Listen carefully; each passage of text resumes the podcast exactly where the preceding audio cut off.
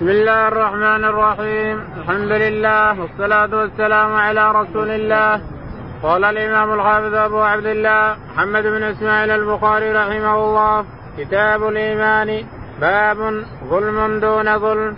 قال رحمه الله حدثنا أبو الوليد قال حدثنا شعبة ها قال وحدثني بشر قال حدثنا محمد عن شعبة عن سليمان عن إبراهيم عن علقمة عن عبد الله رضي الله عنه أنه قال لما نزلت الذين آمنوا ولم يلبسوا إيمانهم من ظلم قال أصحاب رسول الله صلى الله عليه وسلم أينا لم يظلم فأنزل الله إن الشرك لظلم عظيم. بسم الله الرحمن الرحيم الحمد لله رب العالمين صلى الله على نبينا محمد وعلى آله وصحبه أجمعين. يقول الإمام الحافظ أبو عبد الله البخاري رحمه الله في صحيحه ونحن وقفنا على كتاب الإيمان وأن الإيمان يزيد وينقص وأنه عمل وقول وأنه في طريق أهل الجنة. وإذا أفهم الإيمان دخل الإسلام فيه وإذا أفهم الإسلام دخل الإيمان فيه. هذا معتقد أهل السنة والجماعة وأنه بالقلب وباللسان وبالجوارح. أفادتكم النعماء مني ثلاثة أفادتكم النعماء مني ثلاثة يدي ولساني والضمير المحجبه يقول رحمه الله باب باب ظلم دون ظلم. باب ظلم دون ظلم. والإيمان كذلك. الظلم فيه اثنين ظلم كبير وظلم صغير والنفاق صغير وكبير والكفر صغير وكبير إلى آخره. هذا معتقد أهل السنة والجماعة أن كل شيء الكفر فيه كفر نعمة وكفر والشرك شرك كبير وشرك أصغر وهو الرياء والسمعة وكذلك الظلم. فيه ظلم صغير وظلم كبير فيه ظلم النفس وظلم كذا وظلم نعوذ بالله. هذا لا يمكن أن يغفر إلا باستباحة صاحبه. ما يمكن أن يغفر حين تظلم أخوك المسلم. ما يمكن أن يغفر إلا باستباحة صاحبه في الدنيا وإلا يقتص في الآخرة. لأن الله أخبر أن الدواوين ثلاثة. الرسول أخبر أن الدواوين ثلاثة. ديوان لا يعبأ الله به وديوان تحت المشيئة وديوان لا يمكن أن يغفر من شيء إلا باستحقاق صاحبه. سامحك صاحبه وتنازل خلاص. وإلا فيلاقيك يوم القيامة ويأخذ حقه منك الإنسان. لأنه لا يغفر. ديوان بين الآدميين لا يغفر اطلاقا. يقول رحمه الله حدثنا أبو الوليد. أبو الوليد قال حدثنا شعبة. شعبة. ثم حول ثم حول قال حدثنا بشر. بشر بن قال قال بشر بن خالد يعني. بن خالد قال حدثنا محمد بن جعفر. محمد بن جعفر تابع شعبة. قال حدثنا شعبة. شعبة. قال عن سليمان عن سليمان الأعمج قال عن إبراهيم بن يزيد. عن إبراهيم بن يزيد زيد النخعي. عن علقمة. عن علقمة بن قيس النخعي. قال عن عبد الله بن مسعود. عن عبد الله بن مسعود رضي الله تعالى عنه أن النبي عليه الصلاة والسلام قال نعم. عبد الله بن مسعود يقول لما نزلت قوله تعالى الذين آمنوا ولم يلبسوا إيمانهم بظلم قال أصحاب رسول الله. يقول عبد الله بن مسعود رضي الله تعالى عنه لما نزل قول الله تعالى الذين لم يلبسوا إيمانهم بظلم الذين آمنوا ولم الذين آمنوا ولم يلبسوا إيمانهم بظلم شق ذلك على الصحابة رضي الله عنهم وقالوا أينا لم يظلم نفسه يا رسول الله؟ وقال لم تسمعوا قول لقمان يا بني لا تشرك بالله الظلم هو الشرك الظلم هو الشرك. أكبر ظلم هو الشرك نعوذ بالله. عاد دون ظلم لنفسك وظلم كذا وظلم كذا لكن أكبر ظلم هو الشرك بالله تعالى وتقدس. لأنك ظلمت نفس ظلما نعوذ بالله لا يغفر وتخلد فيه إلى جهنم. قال لما نزل قوله تعالى الذين آمنوا ولم يلبسوا إيمانهم بظلم شق ذلك على أصحاب الرسول عليه الصلاة والسلام فقال لم تسمعوا قول لقمان لابنه يا بني لا تشرك الظلم هنا الشرك. نعم. باب علامة المنافق. قال رحمه الله دثنا سليمان أبو الربيع. قال دثنا إسماعيل بن جعفر. قال دثنا أبي بن مالك بن عامر أبو سائل عن أبيه عن أبي هريرة رضي الله عنه عن النبي صلى الله عليه وسلم قال آية المنافق ثلاث إذا حدث كذب وإذا وعد أخلف وإذا اؤتمن خان. يقول رحمه الله يقول البخاري رحمه الله باب آية المنافق أو علامة النفاق أو علامة المنافق. حدثنا أبو سليمان أبو الربيع. سليمان أبو الربيع. سليمان بن داود أبو الربيع. قال حدثنا أبو داود ما هو بن داود. سليمان أبو داود أبو الربيع. قال حدثنا سليمان أبو الربيع أبو الربيع. هو سليمان بن داود إذا نعم. قال حدثنا إسماعيل بن جعفر. منو؟ إسماعيل بن جعفر. إسماعيل بن جعفر. قال قال حدثنا نافع بن مالك قال حدثنا نافع بن مالك بن أبي سهيل. قال عن أبيه مالك. عن أبيه مالك. قال عن أبي هريرة. عن أبي هريرة رضي الله تعالى عنه أن النبي عليه الصلاة والسلام قال آية المنافق ثلاث. ثلاث. إذا حدث كذب وإذا وعد أخلف. وإذا وعد أخلف وإذا وإذا أؤتمن خان. وإذا اؤتمن خان. إذا حدث كذب. أحاديث كلها كذب في كذب نعوذ بالله. وقد أخبر الرسول عليه الصلاة والسلام أن الإنسان لا يزال يكذب حتى يكتب عند الله كذابا. فإذا حدث كذب هذا آية من, من آيات النفاق. مع أنه كبيرة من كبائر النفاق وكبيرة من كبائر الذنوب. آية المنافق ثلاث قال إذا حدث كذب وإذا وعد أخلف وإذا اؤتمن خان. مع أن آية المنافق كما سيأتي تصل إلى أربع وتصل إلى خمس. علامة النفاق الأصغر تصل إلى أربع وتصل إلى خمس. هنا قال ثلاث. وسيأتي أنها أربع وسيأتي أنها خمس. علامة النفاق الأصغر. هذا النفاق الأصغر. وعندك نفاق أكبر نعوذ بالله. وهو الذي يدخل صاحبه في قعر جهنم في الدرك الأسفل من النار الذي يخفي يخفي الشر للمسلمين ويبدي لهم الزين في لسانه. هذا المنافق الذي في الدرك الأسفل من النار هذا الأكبر النفاق الأكبر. أما علامة النفاق فهي هنا ثلاث قال إذا حدث كذب إذا حدث كذب وإذا وعد أخلف. لكن هل إذا وعد وأنت تريد أن تؤدي هذه الوعد أن تفي بهذا الوعد. لكن أتاك شيء ومنعك الإنسان أن تفي بهذا الوعد. فهل يقال إنه وعد أخلف وعده؟ تقول لا. إخلاف الوعد إذا وعدت صاحبك وأنت لا أن تفي به. حتى تقول فلان أريد أن تأتيني الساعة الفلانية أو أتقبل انه يأكل بالفلان كان أو تقول نعم طيب وانت تكذب. ما أنت ناوي ولا أنت جاي هذا المنافق هذا النفاق الأصغر. هذا الذي وعد أخلف. وعد وتخلف موعد ناوي أن يخلف موعده. من حين وعد وهو ناوي. أما إذا وعد وأتاه أمر من الأمور فأخلف الوعد فلا يدخل في هذا الموضوع. قال إذا وعد أخلف. وإذا اؤتمن خان نعوذ بالله يعطيك الإنسان أمانة وتكون أمانتك هذا من من النفاق. نعم.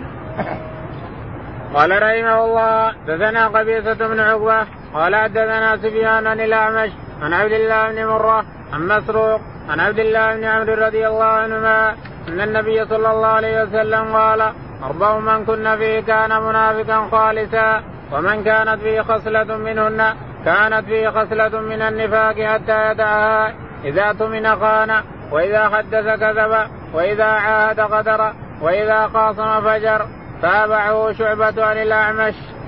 يقول رحمه الله البخاري رحمه الله حدثنا قبيصة بن عقبة. قبيصة بن عقبة. قال حدثنا سفيان الثوري. سفيان الثوري. قال حدثنا الأعمش. الأعمش سليمان. قال عن عبد الله بن مرة. عن عبد الله بن مرة. قال حدثنا مسروق. مسروق. وسمي مسروق لأنه سرق وهو صغير. سمي مسروق بن الأجدع الحمداني رضي الله عنه. سرق وهو صغير. قال حدثنا عبد الله بن عمرو بن العاص. عبد الله بن عمرو بن العاص. قال أن النبي صلى الله عليه وسلم قال أربع من كنا فيه كان منافقا خالصا عبد الله بن عمرو بن العاص. يقول ان النبي عليه الصلاة والسلام قال إن النبي قال فلا أربع من كنا فيه كان منافقا.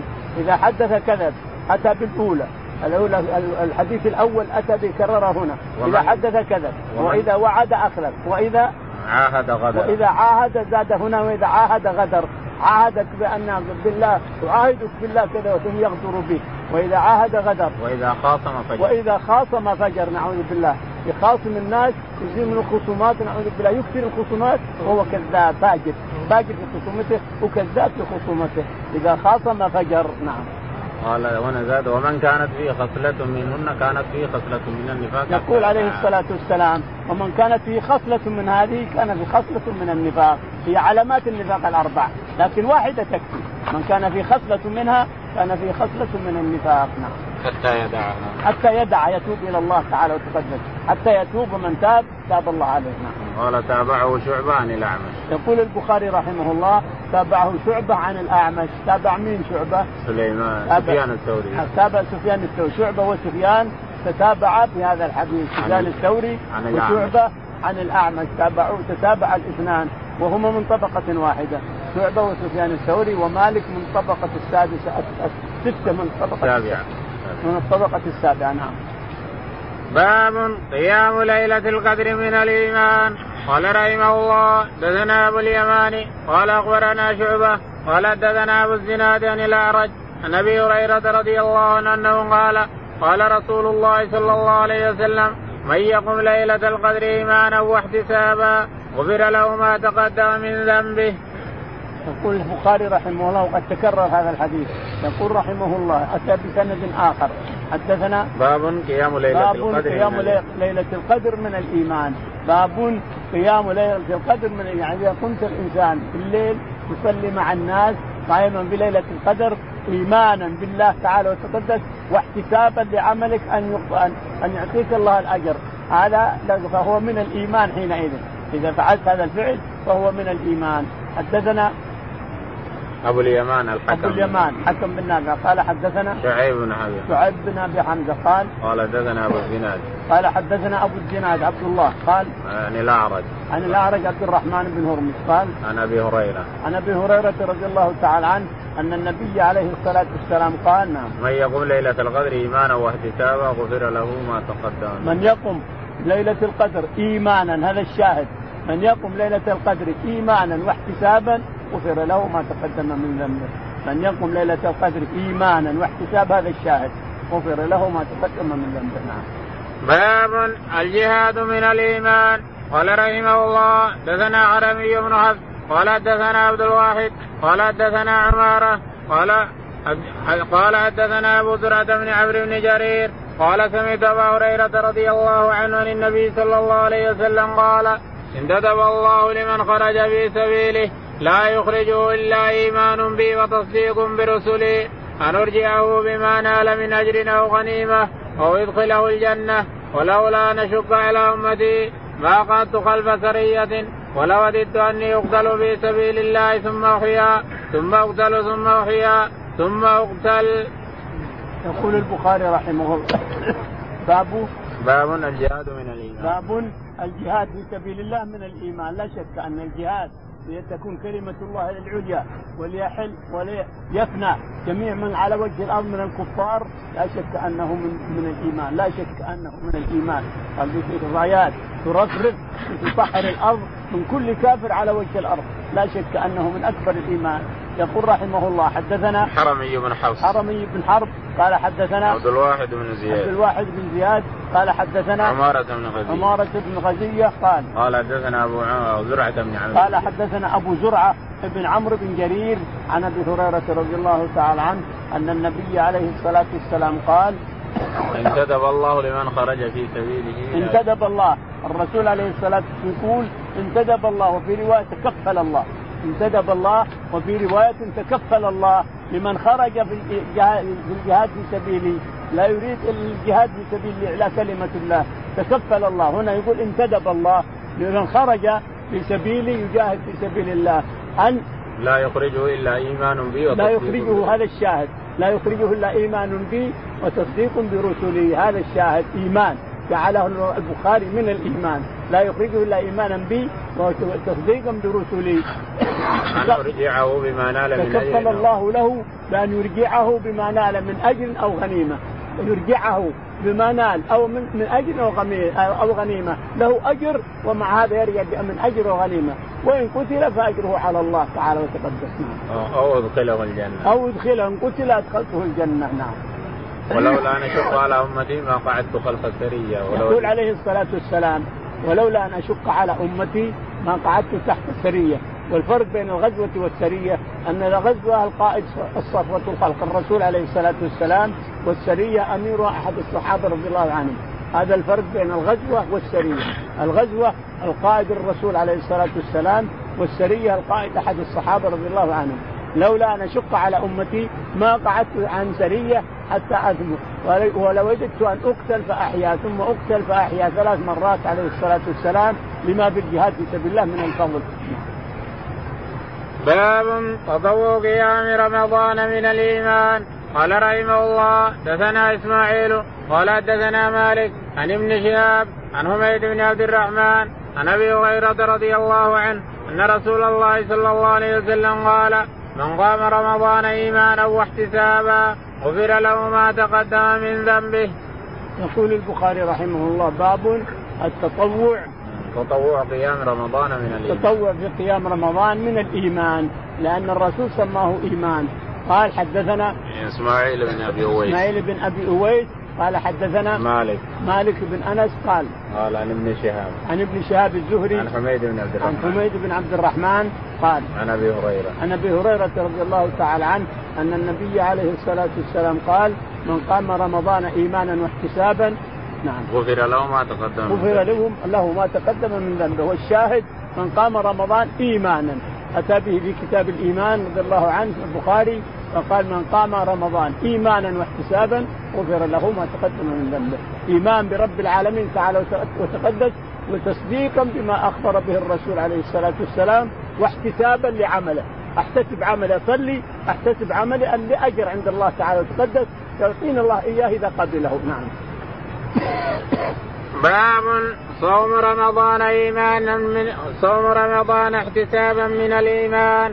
قال رحمه الله دثنا ابن سلام قال دثنا قال أخبرنا محمد بن فضيل قال دثنا يحيى بن سعيد عن أبي سلمة عن أبي هريرة رضي الله عنه أنه قال قال رسول الله صلى الله عليه وسلم من صام رمضان إيمانا واحتسابا غفر له ما تقدم من ذنبه. يقول رحمه الله باب من صام رمضان إيمانا واحتسابا غفر له ما تقدم من ذنبه من صام رمضان إيمانا يعني تطوع أو فريضة. فريضة الإيمان الصوم أو تطوع في رمضان تطوع تصوم الإنسان تطوع في غير رمضان. فلك أجر كبير. قال حدثنا باب صوم رمضان احتسابا من الإيمان. باب صوم رمضان احتسابا من الإيمان. نعم. قال قال حدثنا محمد بن سلام. حدثنا محمد بن سلام الجعفي أبي كندي قال حدثنا محمد بن فضيل. محمد بن فضيل. قال حدثنا يحيى بن سعيد الأنصاري. سعيد يحيى بن يحيى بن سعيد الأنصاري. قال عن أبي سلمة بن عبد الرحمن. عن أبي سلمة بن عبد الرحمن بن عوف. قال عن أبي هريرة. عن أبي هريرة رضي الله تعالى عنه أن النبي عليه الصلاة والسلام قال نعم. من صام رمضان إيمانا واحتسابا غفر له من صام رمضان إيمانا واحتسابا غفر له ما تقدم من ذنبه. هذا الشاهد إيمانا. صام رمضان إيمانا واحتسابا غفر له ما تقدم من ذنبه. باب الدين يسر. وقول النبي صلى الله عليه وسلم أحب الدين إلى الله الحنيفية السمحة. قال رحمه الله دثنا عبد السلام بن مطهر. قال دثنا عمر بن علي. عن معن بن محمد الغفاري عن سعيد بن أبي سعيد المقبري عن أبي هريرة رضي الله عنه عن النبي صلى الله عليه وسلم قال إن الدين يسر ولن يشاد الدين أحد إلا غلبه فسددوا وقاربوا وأبشروا واستعينوا بالغدوة والروحة وشيء من الدجلة وشيء من الدلجه يقول البخاري رحمه الله باب الدين يسر. الدين يسر وليس بعسر يعني. الدين يسر. لا تكلف نفسك الإنسان تقول لا هذا ما أنا ما عملت شيء. لازم أطوف كثير لازم أصلي كثير لازم أفعل كثير. لا تكلف نفسك الإنسان فلن يمل ربك حتى تمل. ربك ما يمل. أنت تعمل ويكتب ربك. لكن انتبه لنفسك لا تتعب. تتعب وتتلف تتلف نفسك. لا ارضا قطع ولا ظهرا أبقى لا ابقيت ظهر ولا قطعت الأرض كلها. ليش؟ لأنك أتلفت نفسك. تجري تجري تجري ثم الظهر مات والأرض ما قطعتها تريد شيء؟ ما وصلت إليه.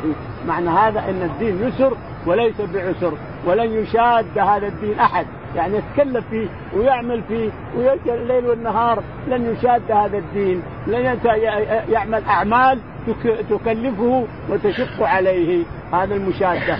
أن تتكلف نفسك وتشق على نفسك بأعمال صالحة تريد وجه الله والدار الآخرة، لكن قد تتلف نفسك فيما بعد، قد تتلف نفسك، إذا كثرت تتلف نفسك، ربك ما يمل يكتب، الملائكة تكتب. وربك مطلع على نيتك، لكن أنت اللي رايح تتكلم، أنت اللي رايح تتلف، أنت اللي رايح تتلف نفسك وتتلف من حولك وتتلف كذا، الشاهد انه شاد هذا الدين. لن يتكلف هذا الدين إلا غلبه الدين. لا شك في هذا، لن يتكلف أشياء إلا الدين ماشي.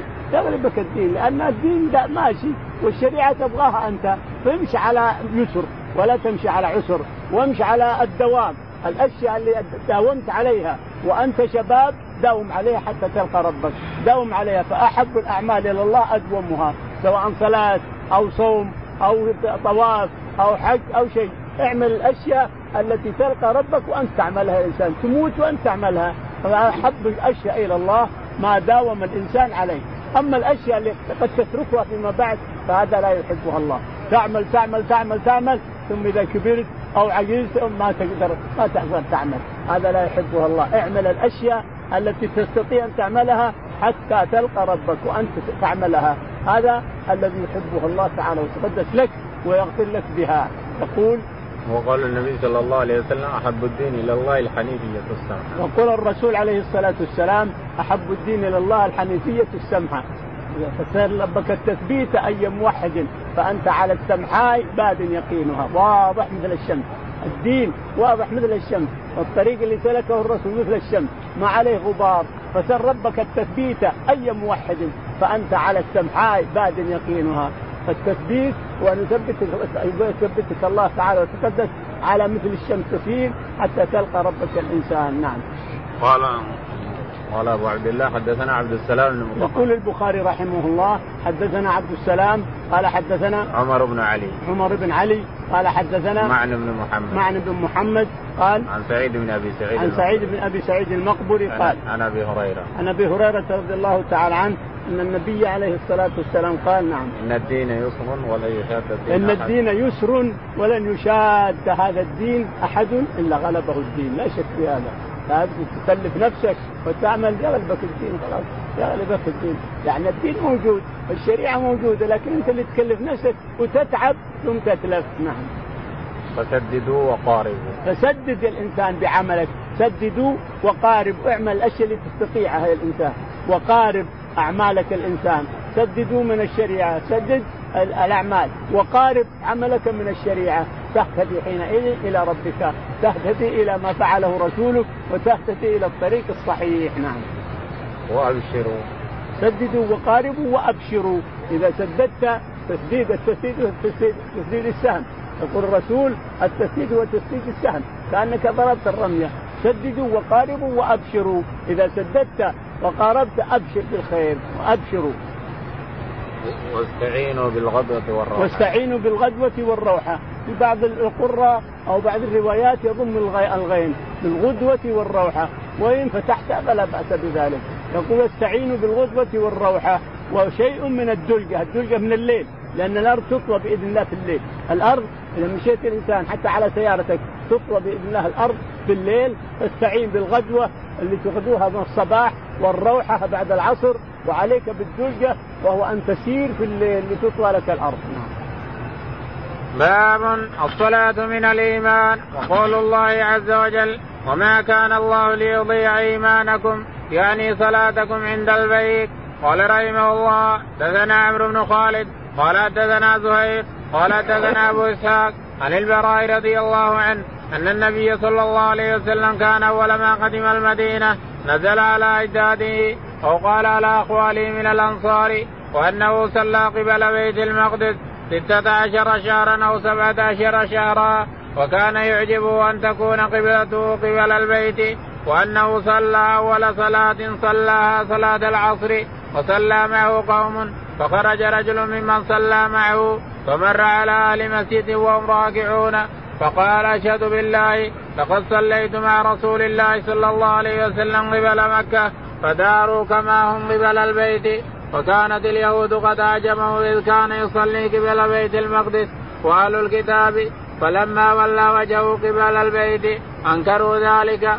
قال زهير حدثنا أبو إسحاق البراء في حديثه هذا أنه مات على القبلة أنه مات على القبلة قبل أن تحول رجال وقتلوا فلم ندر ما نقول فيهم. فأنزل الله تعالى وما كان الله ليضيع إيمانكم. يقول البخاري رحمه الله باب الصلاة من باب الإيمان. باب الصلاة من الإيمان سواء كانت نافلة أو فريضة من الإيمان. حدثنا وقول الله تعالى وما كان الله ليضيع وقول الله تعالى وما كان الله ليضيع إيمانكم. يعني صلاتكم. ما كان الله يضيع لما سأل الصحابة الرسول عليه الصلاة والسلام عن الذين ماتوا قبل أن تصرف الكعبة تصرف القبلة إلى الكعبة. ماتوا يصلوا إلى بيت المقدس. ماذا أعمالهم؟ قال الله لا يضيع إيمانكم صلاتكم ما تضيع وأعمالكم اللي عملتموها قبل أن تصرف ما تضيع عند رب العالمين محفوظة. ربنا ما يضيع شيء لبني آدم ولا يظلم أحد. كل حق تأخذه الإنسان حقك تظلم ما ما, ما فعل الله بعذاب إن شكرتم وآمنتم وكان الله شاكرا عليما. فاذا فإذا كان قبل أن تصرف الكعبة صلوا إلى بيت المقدس فلا يضل الله صلاتهم صلاتكم. ما تضيع أعمالكم ما تضيع عند رب العالمين. مكتوبة لكم إلى يوم القيامة. نعم. وحدثنا عمرو بن خالد. يقول البخاري رحمه الله حدثنا عمرو بن خالد. قال حدثنا زهير بن معاوية. زهير بن معاوية. قال حدثنا أبو إسحاق. أبو إسحاق السبيعي. قال عن البراء بن عازب. عن البراء بن عازب. قال حدثنا النبي صلى الله عليه وسلم كان أول ما قدم المدينة نزل على أجداده يقول البراء بن عازب وهو من الأنصار يقول النبي عليه الصلاة والسلام أول ما نزل المدينة لما هاجر عليه الصلاة والسلام هو أبو بكر الصديق وعبد الله بن فهيره ومعهم ابن أريقط وصلوا المدينة عليه الصلاة والسلام نزل على أجداده ويقال أخواله بني النجار لأن عبد المطلب ولد في المدينة ورضع من بني النجار ولهذا عليه الصلاة والسلام يبيت ويقيل عند أم حرام بنت بنت ملحان وأم سليم بنت ملحان. يقيل لأنه من أخواله من بني النجار ومن أخواله. فتفلي رأسه حتى ينام وتأخذ من عرقه أم حرام. كذلك أم سليم من, أخواله من بني النجار. فعبد المطلب ولد بالمدينة وصار ورضع من بني النجار رضعوها بني النجار أخوال الرسول عليه الصلاة والسلام. والشاهد نزل قيل على أخواله نزل على ابو أبو أيوب الأنصاري رضي الله تعالى عنه في بيته الذي يقال إنه بناه تبع للنبي عليه الصلاة والسلام. قال إن هذا البيت سيأتي ينزله نبي. نزله الرسول عند عند أبو أيوب الأنصار رضي الله تعالى عنه. فكان الرسول أسفل وابو ايوب فوق وعائلته نعم. قال وانه صلى قبل بيت المقدس 16 شهرا. قال وإنه صلى الرسول لما هاجر إلى المدينة. كان يصلي إلى بيت المقدس 16 شهرا فيعجب اليهود أن يصلي إلى قبلتهم.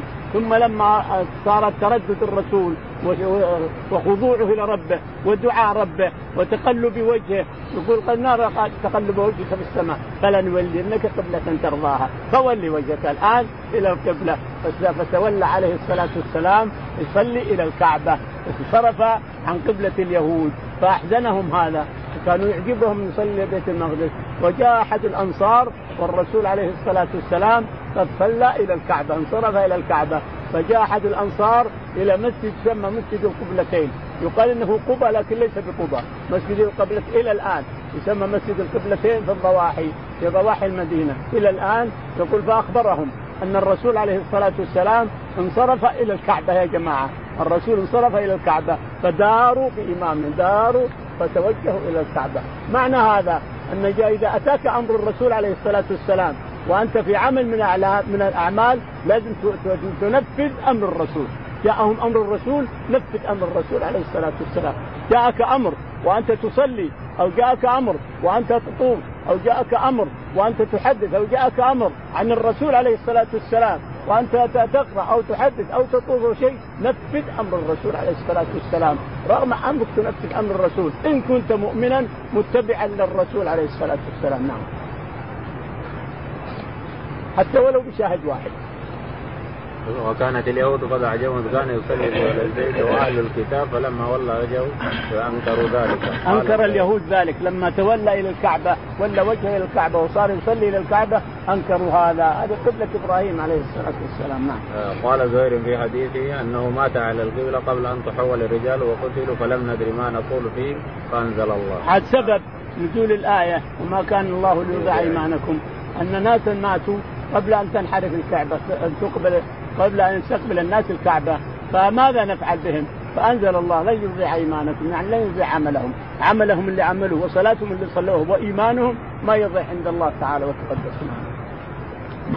باب حسن إسلام المرء قال وقال مالك أخبرني زيد بن أسلم أن طه بن يسار أخبره أن أبا سعيد الخدري أخبره أنه سمع رسول الله صلى الله عليه وسلم يقول إذا أسلم العبد فاسن إسلامه يكفر الله عنه كل سيئة كان زلفها وكان بعد ذلك القصاص الحسنة بعشر أمثالها إلى سبعمائة ضعف والسيئة بمثلها إلا أن يتجاوز الله عنها.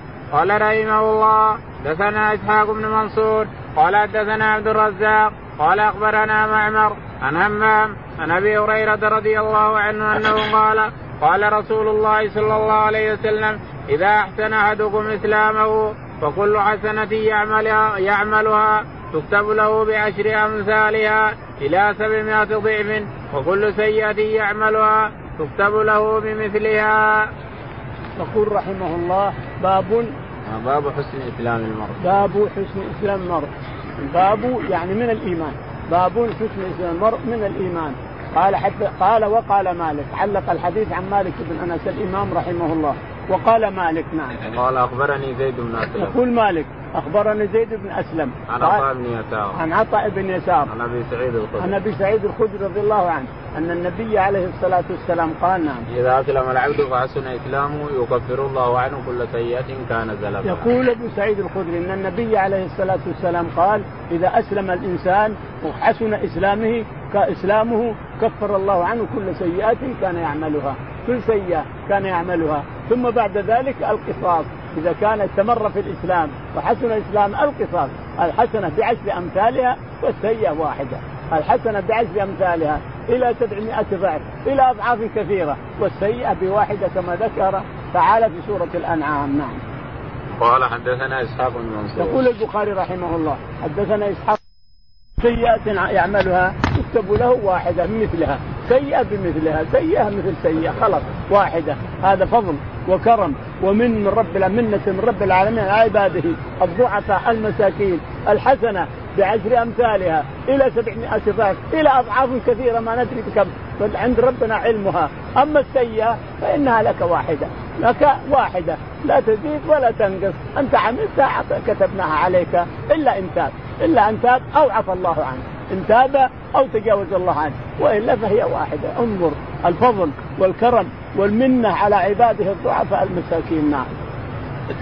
باب أحب الدين إلى الله ادومه قال رحمه الله حدثنا محمد بن المثنى قال حدثنا يحيى قال عن هشام قال أخبرني أبي أنا عائشة أن النبي صلى الله عليه وسلم دخل عليها وعندها امرأة. قال من هذه؟ قالت فلانة تذكر من صلاتها. قال ما؟ عليكم بما تطيقون. فوالله لا يمل الله حتى تملوا. وكان أحب الدين إليه ما دام عليه صاحبه. يقول رحمه الله البخاري باب أحب العمل إلى الله أدومه. الشيء اللي يدوم عليه الإنسان. من شبابك حتى تلقى ربك هذا هو أحب الشيء إلى الله تعالى وتعالى. ولو قل لا تقول لا قليل هذا اللي أصليه قليل؟ أنا أصلي تسليمتين أو أصلي ركعتين أو أقرأ أو أفعل كذا. هذا قليل ابدا لا قال لك على شيء مستديم على ركعتين بالليل أو بالنهار على طواف واحد يوم على كذا على كذا على صيام الخميس والجمعة الخميس والاثنين على صيام ثلاثة أيام من كل شهر على حتى تلقى ربك. فأدوى فأحب العمل إلى الله ادومه حتى تلقى ربك. أنت شباب إلى حتى تشيخ حتى تلقى ربك. يقول البخاري حدثنا محمد بن المثنى. محمد بن المثنى قال حدثنا يحيى بن سعيد. يحيى بن سعيد قال حدثنا هشام بن عروة. هشام بن عروة عن أبي عروة بن الزبير عن عائشة رضي الله تعالى عنها أن النبي عليه الصلاة والسلام دخل عليها وعندها امرأة تذكر من فقال ما هذه؟ قالت يا رسول الله امرأة تذكر من صلاتها وصومها وأنها تصوم الليل وتصوم النهار وتقوم الليل وتفعل قال مهما مهما لا لا تشاد الدين ولا تتعب نفسها فلا ظهرا قطع ولا ارضا قطع ولا ظهرا أبقى. مهما لا تتكلف لا تكلف نفسك فلن يشاد هذا الدين أحد إلا غلبه الدين. لا يشاد هذا الدين أحد لا يكلف نفسه إلا والدين هو هو. والدين شديد. فأنت تتكلف نفسك لا تكلف نفسك. ربك لا يقبل لك الكلفه ما يفعل الله بعذابك لنفسك ما يفعل الله بتكليفك لنفسك. ما يفعل الله أمرك أن تكون على واحدة على عمل واحد حتى تلقاه. نعم. باب زيادة الإيمان ونقصانه. وقول الله تعالى وزدناهم هدى. وقال تعالى ويزداد الذين آمنوا إيمانا وقال تعالى اليوم أكملت لكم دينكم فإذا ترك شيئا من الكمال فهو ناقص. قال رحمه الله حدثنا مسلم بن إبراهيم قال حدثنا هشام قال حدثنا قتادة عن عن النبي صلى الله عليه وسلم قال يخرج من النار من قال لا إله إلا الله وفي قلبه وزن شعيرة من خير. ويخرج من النار من قال لا إله إلا الله وفي قلبه وزن برة من خير ويخرج من النار من قال لا إله إلا الله وفي قلبه وزن ذرة من خير قال أبو عبد الله قال أبان حدثنا قتادة قال حدثنا أنس عن النبي صلى الله عليه وسلم من إيمان مكان من خير. يقول البخاري رحمه الله باب زيادة الإيمان ونقصانه. باب زيادة الإيمان ونقصانه. وقد تقدم هذا الحديث بسند غير السند هذا وأتى به من وجه آخر رحمه الله رضي عنه البخاري. قال حدثنا وقول الله تعالى وزدناهم وقول الله تعالى وزدناهم إيمانا. قال وزدناهم هدى. وزدناهم هدى. الذين اهتدوا زدناهم هدى. وقال وقال تعالى ويزداد الذين ويزداد الذين آمنوا إيمانا. نعم. وقال تعالى اليوم أكملت لكم وقال دينكم. تعالى اليوم أكملت لكم دينكم وأتممت عليكم نعمتي ورضيت لكم الإسلام دينا. نعم. قال فإذا ترك شيئا من الكمال فهو ناقص. يقول البخاري يحاج الناس اللي يقولون إن الدين إن الإيمان يزيد لكن ما ينقص. سبحان الله سبحان الله. من باب المنطق من باب التفكير. هل يزو إذا زاد؟ معناه إيش؟ ما هو ناقص كان ما كان ناقص يعني البخاري يجادل هؤلاء المرجئة وغيرهم اللي يقول الإيمان يزيد الإيمان يزيد لكن ما ينقص سبحان الله يزيد كيف يعني؟ زاد عن إيش؟ مو زاد عن نقصان؟ لا شك أنه عن نقصان، ويزيد الذين آمنوا إيمانا زيادة زيادة عن نقصان لا شك في هذا، فالإيمان يزيد وينقص لا شك في هذا، هو معتقد أهل السنة والجماعة، ومن قال الإيمان لا يزيد ولا ينقص فهو مرجع نعوذ بالله، نعم. قال قال أبو عبد الله حدثنا مسلم بن إبراهيم. يقول أبو عبد الله البخاري حدثنا مسلم قال إبراهيم. ابن الفراهيدي. قال حدثنا هشام بن عبد الله هشام بن عبد الله. قال حدثنا قتادة. قتادة. قال عن أنس بن مالك. عن أنس رضي الله تعالى عنه أن النبي عليه الصلاة والسلام قال نعم. يخرج من النار من قال لا إله إلا الله وفي قلبه وزن شعير قال يخرج من النار من قال لا إله إلا الله وفي قلبه مثقال ذرة من شعير. قلبه حبة شعير. إذا كان في قلبه حبة شعير من الإيمان أخرج. هذا من فضل الله وكرمه ومنته تعالى وتقدس ويقول يخرج من من النار من كان في قلبه حبة بر من إيمان. ويخرج من النار من كان في قلبه ذرة من إيمان. انظر. تعالى وتقدس عطفه وكرمه على عباده الفقراء المساكين. وهذا فضل من الله وكرم منه أن يخرج من النار من كان في قلبه حبة شعير من إيمان، من كان في قلبه حبة بر من إيمان، من كان في, في قلبه حبة ذرة من إيمان، هذا كله يخرجون من النار ويدخلون الجنة، يخرجون من النار حتى لو القوا في النار. وعذبوا في النار لاجل سيئات عملوها ولم يتجاوز ربنا عنها. يخرجون من النار من كان في قلبه حبة شعير أو حبة بر أو ذرة. يخرجون إلى الجنة. قال أبو عبد الله قال أبان حدثنا قتادة. يقول أبو عبد الله البخاري رحمه الله قال أبان بن يزيد قال حدثنا قتادة بن دعامة قال قال حدثنا أنس بن مالك. قال حدثنا أنس بن مالك رضي الله عنه عن النبي صلى الله النبي عليه الصلاة والسلام قال نعم. من إيمان مكان من خير. قال من إيمان يعني من كان في قلبه مثقال ذرة من إيمان وهناك قال مكان من خير كل واحد. من كان في قلبه حبة ذا حبة شعير من خير أو قال من إيمان كل واحد. هو الشاهد هنا الإيمان. الشاهد هنا نحن في كتاب الإيمان لكن من خير رواية ومن إيمان رواية أخرى نعم. قال رحمه الله حدثنا الحسن بن الصباح أنه سمع جعفر بن عون قال حدثنا أبو العميس قال أخبرنا قيس بن مسلم عن طارق بن شهاب عن عمر بن الخطاب رضي الله عنه أن رجلا من اليهود قال له يا أمير المؤمنين آية في كتابكم تقرؤونها لو علينا معشر اليهود نزلت لاتخذنا ذلك اليوم عيدا. قال أي آية؟ قال اليوم أكملت لكم دينكم وأتممت عليكم نعمتي ورضيت لكم الإسلام دينا. قال عمر قد عرفنا ذلك اليوم والمكان الذي نزلت فيه على النبي صلى الله عليه وسلم وهو قائم بعرفة يوم جمعة. يقول رحمه الله أبو عبد الله حدثنا الحسن الحسن بن الحسن بن الصباح. الحلواني قال حدثنا جعفر بن عون جعفر بن عون بن عوف ولا عون؟ عون. عون. قال حدثنا أبو عمي أبو العميس. أبو العميس عبيد الله. قال حدثنا قيس بن مسلم. قيس بن مسلم قال عن طارق بن شهاب. عن طارق بن شهاب عن عمر طارق رضي الله تعالى عنه ولد في خلافة عمر بن الخطاب. لست مضينا من خلافة عمر. طارق بن شهاب قال عن عمر بن الخطاب رضي الله تعالى عنه أن حبر من الأحبار أو قال كعب الأحبار. أتى عمر بن الخطاب رضي الله عنه فقال آية في كتابكم لو علينا معاشر اليهود نزلت لاتخذنا ذلك اليوم عيدا، اتخذنا ذلك اليوم عيدا، قال ما هي؟ قال قوله تعالى اليوم أكملت لكم دينكم. لاحظ اليوم أكملت لكم الدين كمل خلاص. اليوم أكملت لكم دينكم. وأتممت عليكم نعمتي لاحظ. النعمة تمت عليكم في الإسلام. اليوم أكملت لكم دينكم. وأتممت عليكم نعمتي ورضيت لكم الإسلام دينا. هذا الكمال. الرضا. رضا الله تعالى وتقدس. اليوم أكملت لكم دينكم. وأتممت عليكم نعمتي من الإسلام والإيمان. ورضيت لكم الإسلام دينا. هذا في عرفات في يوم جمعة.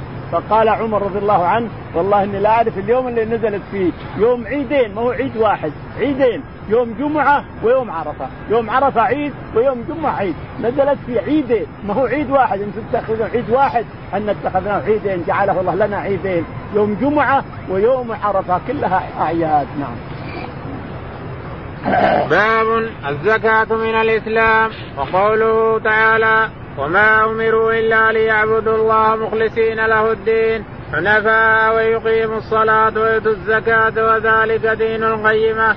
قال رحمه الله حدثنا إسماعيل قال حدثني مالك بن أنس عن عمي أبي سهيل بن مالك أن نبي أنه سمع طلحة بن عبيد الله رضي الله عنه يقول جاء رجل إلى رسول الله صلى الله عليه وسلم من أهل نجد ثائر الرأس يسمع دوي صوته ولا يفقه ولا يفقه ما يقول. حتى دنا فإذا هو يسأل عن الإسلام فقال رسول الله صلى الله عليه وسلم خمس صلوات باليوم والليلة. فقال هل علي غيرها؟ قال لا إلا أن تطوع. قال رسول الله صلى الله عليه وسلم وصيام رمضان. قال هل علي غيره؟ قال لا إلا أن تطوع. قال وذكر له رسول الله صلى الله عليه وسلم الزكاة. قال لا إلا غيرها. قال لا إلا أن تطوع. قال فأدبر الرجل وهو يقول والله والله لا أزيد على هذا ولا أنقص. قال رسول الله صلى الله عليه وسلم أفلح إن صدق.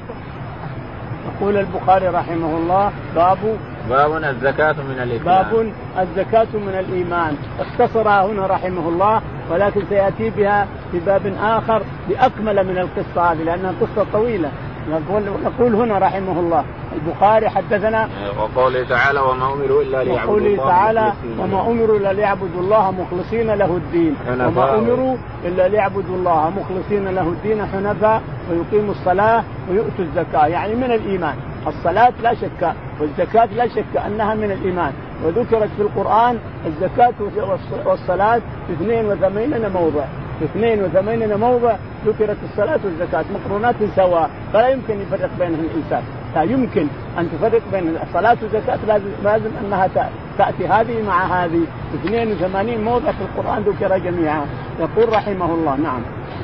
قال ابو عبد الله حدثنا إسماعيل بن أبي اويس يقول البخاري رحمه الله حدثنا إسماعيل بن أبي اويس عن مالك خاله خال ما خاله مالك اسماعيل خاله مالك عن مالك بن أنس الإمام. قال عن عمه أبي سهيل عن عمه أبي سهيل عن مالك رحمه الله. أبي سهيل عن عن أبيه مالك. عن أبيه مالك.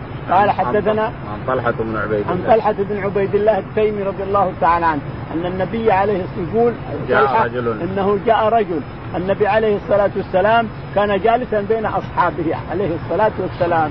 فجاء فسمعوا رجل يصيح بصوته كله. يصيح بصوته. يقول نسمع صوته.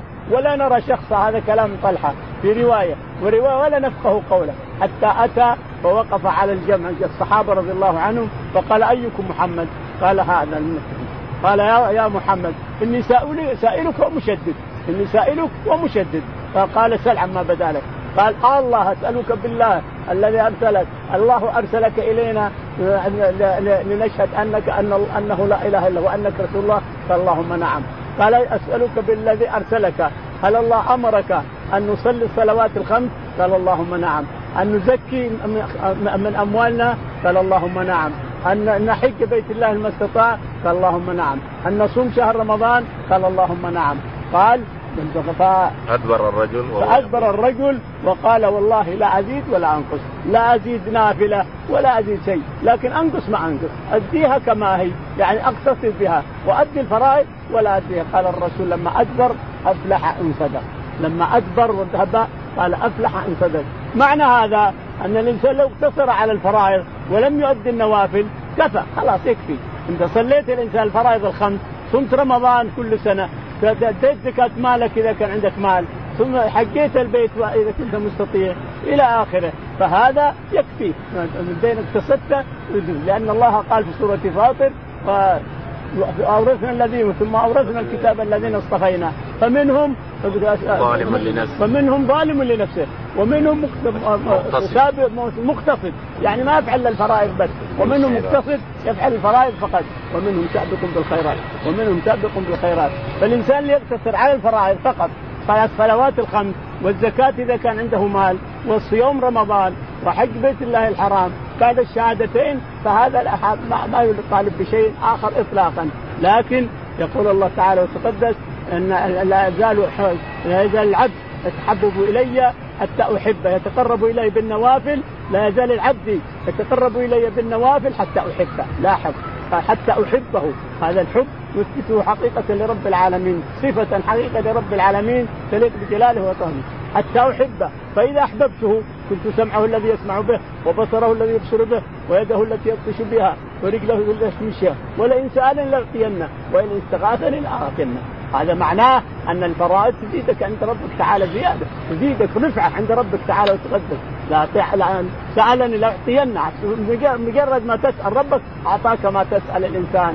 لا يزال العبد يتحبب ويتقرب إلي بالنوافل حتى أحبه. لا يزال عبدي يتقرب إلي بالنوافل حتى أحبه. فإذا أحببته كنت سمعه الذي يسمع به وبصره الذي يبصر به ويده التي يبطش بها ورجله التي يمشي بها ولئن سألني لأعطينه ولئن استغاثني لأغوثنه. هذا كل مسلم وجه بهذا. يسابق بالخيرات وكل مسلم وجه إن الله يحبه ويتقرب إلى ربه بالنوافل. فالنوافل لا شك أنها تقربك إلى الله. وفي الحديث أن النبي عليه الصلاة والسلام قال إن الله يقول انظر إلى عبدي إذا اختل فرضه هاتوا اللي سوى من النوافل خيطوا ركعوا فيها. إذا اختل الفريضة، الفريضة كل الناس اليوم يختلون. ما يدري الله أكبر ثم يدري إلا قال السلام عليكم ولا قلبه سارح يمين ويسار، لكن ربما يصلي نافلة ويثبت النافلة ويكملها فتكمل مثل الثوب إذا دلت ركعه، خذوا شوفوا عبدي صلاته الفريضة فيها خروف فيها شكوك. فأتوا بنوافله فارجعوا بها فريضته هذا أيضا منة وكرم وفضل من عباده الضعف لعباده الضعفاء من ربنا تعالى وتقدس. نعم. باب اتباع الجنائز من الإيمان.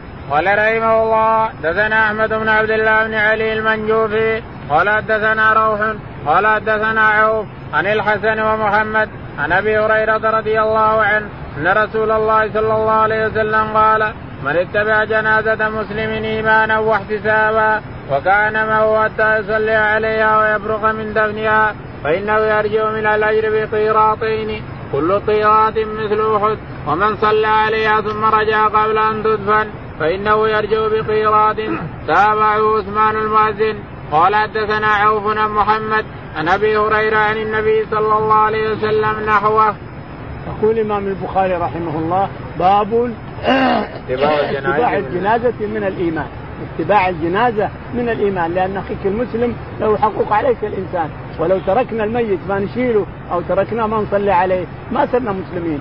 الشاهد أن المسلم له حق عليك الإنسان. أن تعوده إذا مرض وتتبع جنازته إذا مات وتصلي عليه مع المسلمين. هذا من حقوقه عليك يا مسلم. يقول البخاري رحمه الله حدثنا أحمد بن عبد الله. أحمد بن عبد الله قال حدثنا روح بن عباده روح بن عبادة بن عوف قال بن عبادة. قال حدثنا عوف بن أبي جميل عوف بن ابي جميل الأعرابي. قال قال عن الحسن البصري. قال عن الحسن البصري ومحمد بن سيرين. قال حدثنا أبو هريرة. حدثنا أبو هريرة رضي الله تعالى عنه أن النبي عليه الصلاة والسلام قال نعم. من اتبع جنازة مسلم إيمانا واحتسابا؟ من اتبع جنازة مسلم إيمانا هذا الشاهد إيمانا واحتسابا وكان وكان معه حتى يصلي عليها. وكان معه حتى يصلي عليها. نعم. ويفرغ من دفنها. ويفرغ ويفرغ منه. كأن صلى عليها ثم تبعها حتى صلي عليها ثم تبعها حتى وصلت القبر ودفنت فله قيراطان كل قيراط كبر أحد. انظر جبل أحد. كل قيراط كبر جبل. ثلاث قيراط أنا الانسان كل قيراط كبر جبل أحد. نعم. وقال من صلى عليها ثم رجع قبل أن تدفن فإنه يرجع بخير وقال من صلى عليها فقط ورجع قبل أن تدفن فله قيراط واحد كبر جبل أحد. نعم. قال أبو عبد الله تابعه عثمان المازني يقول البخاري رحمه الله تابعه عثمان المؤذن تابع مين؟ روح بن تابع روح قال حدثنا عوف عن محمد عن أبي قال حدثنا عوف الأعرابي عن محمد بن سيرين عن أبي هريرة. عن أبي هريرة عن النبي عليه الصلاة والسلام. اللهم اهدنا فيمن هديت وعافنا فيمن عافيت وتولنا فيمن توليت. اللهم توفنا مسلمين وألحقنا بالصالحين. اللهم صل منصور